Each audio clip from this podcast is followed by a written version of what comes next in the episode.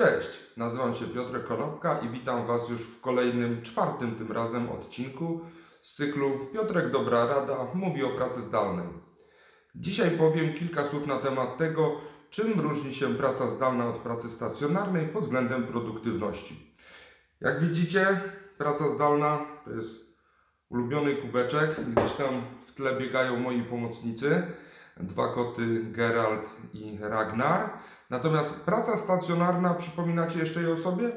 Wychodziliście, przyjeżdżaliście, czasami spóźnieni, poranna kawa, rozmowy z, z kolegami, siadaliśmy do biurka, pracowaliśmy, być może pojawiał się po drodze pan kanapka, kolejny element pracy, szło się na lunch, wracało się do biurka, popołudniowa kawa i wyjście do domu, być może troszkę wcześniej, być może trochę później, ale Zgodnie ze wszystkimi danymi, które zebrali, jak zwykle oczywiście, niezawodni amerykańscy naukowcy, praca stacjonarna jest mniej wydajna od pracy zdalnej, ponieważ jesteśmy produktywni tylko przez 2 godziny i 53 minuty dziennie w trakcie pobytu w biurze.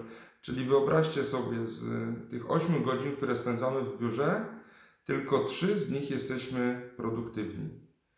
Co się dzieje, jeżeli zaczynamy pracować zdalnie?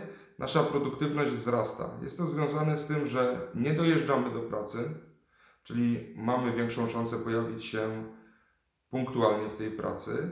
Nie mamy dużej liczby dystraktorów, czy aż tak dużej liczby dystraktorów. Oczywiście pod warunkiem, że umiemy i możemy zorganizować sobie pracę zdalną tak, żeby nikt nam nie przeszkadzał czyli nie mamy kawek, nie mamy ploteczek z kolegami, bo ich właściwie nie ma. Musimy się z nimi dzwonić na Skype'ie czy na Teamsie.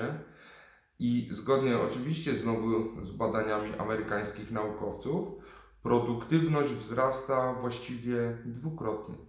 To znaczy, że jesteśmy o wiele bardziej produktywni w pracy zdalnej.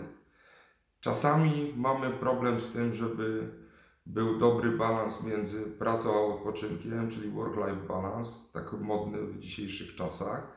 E, I jest problem z zachowaniem tego e, elementu, jak również e, jest problem z tym, że interakcje międzyludzkie są troszkę słabsze.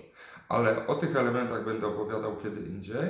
I teraz, jeżeli jesteście menedżerami, jeżeli jesteście pracownikami, to zastanówcie się nad tym, co powoduje, że w pracy zdalnej jesteście o wiele bardziej produktywni dla Was.